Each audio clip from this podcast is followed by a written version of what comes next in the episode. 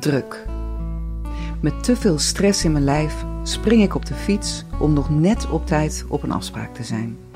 Ik zigzag via stoep, geparkeerde fietsen en een afgezette rijbaan voor een verhuislift naar het fietspad van mijn rijrichting. Net als ik op snelheid ben en mijn jas wil losknopen, schiet er een nietsziende Spaanse, achtervolgd door een rolkoffer, het fietspad op. Joder, roept ze. Loca, bijt ik haar toe. Ik ken langere vloeken in het Spaans, maar omdat ik alweer buiten gehoorafstand ben, voeter ik die binnensmonds. Even later, bij het Rijksmuseum, kom ik preventief luidbellend en stevig doortrappend in de onderdoorgang alsnog in aanvaring met een man die meer aandacht heeft voor zijn selfiestick dan voor de buitenwereld. Hoe kan het toch dat de werkelijkheid altijd mooier lijkt op een telefoonscherm? Ik realiseer me dat ik op dit moment ook weinig bijdrage aan de schoonheid van het decor, dus ter plekke beter ik mijn leven en glimlach hem vriendelijk vergevend toe. No worries, mate. Take care. Iets rustiger fiets ik verder.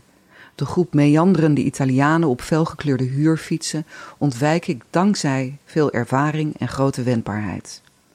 Gelukkig is mijn route gezegend met het volledig ontbreken van bierfietsen. Wat een bof.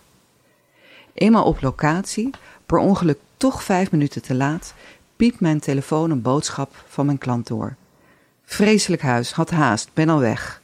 Shit. Maar nu ik hier toch ben, kan ik net zo goed even kijken. Voor de deur gonst het, een gekkenhuis zo te zien. Op de trap moet ik wijken voor een paar collega's met hun gevolg en eenmaal binnen kan ik door de mensen het huis niet meer zien. En dat is misschien maar beter ook, want wat een bende. In volstrekt rotte kozijnen is dubbelglas geknutseld, vastgespijkerd met een glaslat van nauwelijks 2 mm dik. Het appartement wordt verwarmd met een roestige oude pelgrim, die zijn onverwoestbaar, zoveel is waar, en warm water komt van een gijzer die zijn zuurstof rechtstreeks aan de ruimte onttrekt. Het zou me niet verbazen als het voormalige huurhuisje vrij is gekomen vanwege een plotselinge vergiftiging van de huurder.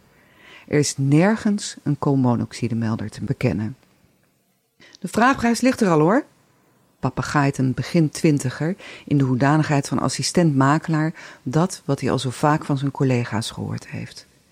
Ik vlucht het huis uit en stap op mijn fiets. Halverwege de gracht stap ik af om me voor het eerst die dag te realiseren hoe mooi het nu eigenlijk is. Ineens sta ik oog in oog met de herfst.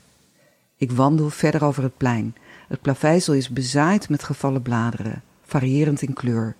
Helder groen, okergeel, oranje, goudbruin, kastanjebruin en glanzend dieprood. Een kaleidoscoop van vergankelijkheid, najaar. Eén blaadje springt er letterlijk tussenuit. Het is lichter dan de rest. Het is vergaan tot een skelet van adertjes, kwetsbaar en breekbaar. Een zuchtje wind pakt het op en blaast het weg. Ik zet mijn fiets op slot en ga zitten op het terras van Café Schiller, waar ik me toevallig bevind. Het is vijf uur en ik besluit ervan te nemen.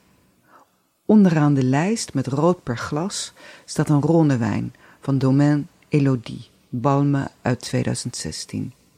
Laat de drukte en de armoe maar de kleren krijgen. Die wil ik.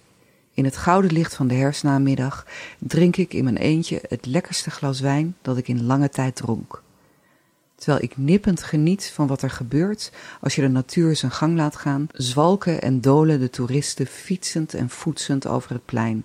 Ik gun het ze, een proefje van mijn stad. Proost, geniet ervan. Ik knijp wel een oogje dicht voor de drukte, maar hoop tegelijkertijd dat onze burgemeester een manier vindt haar een beetje te delen met de rest van ons land.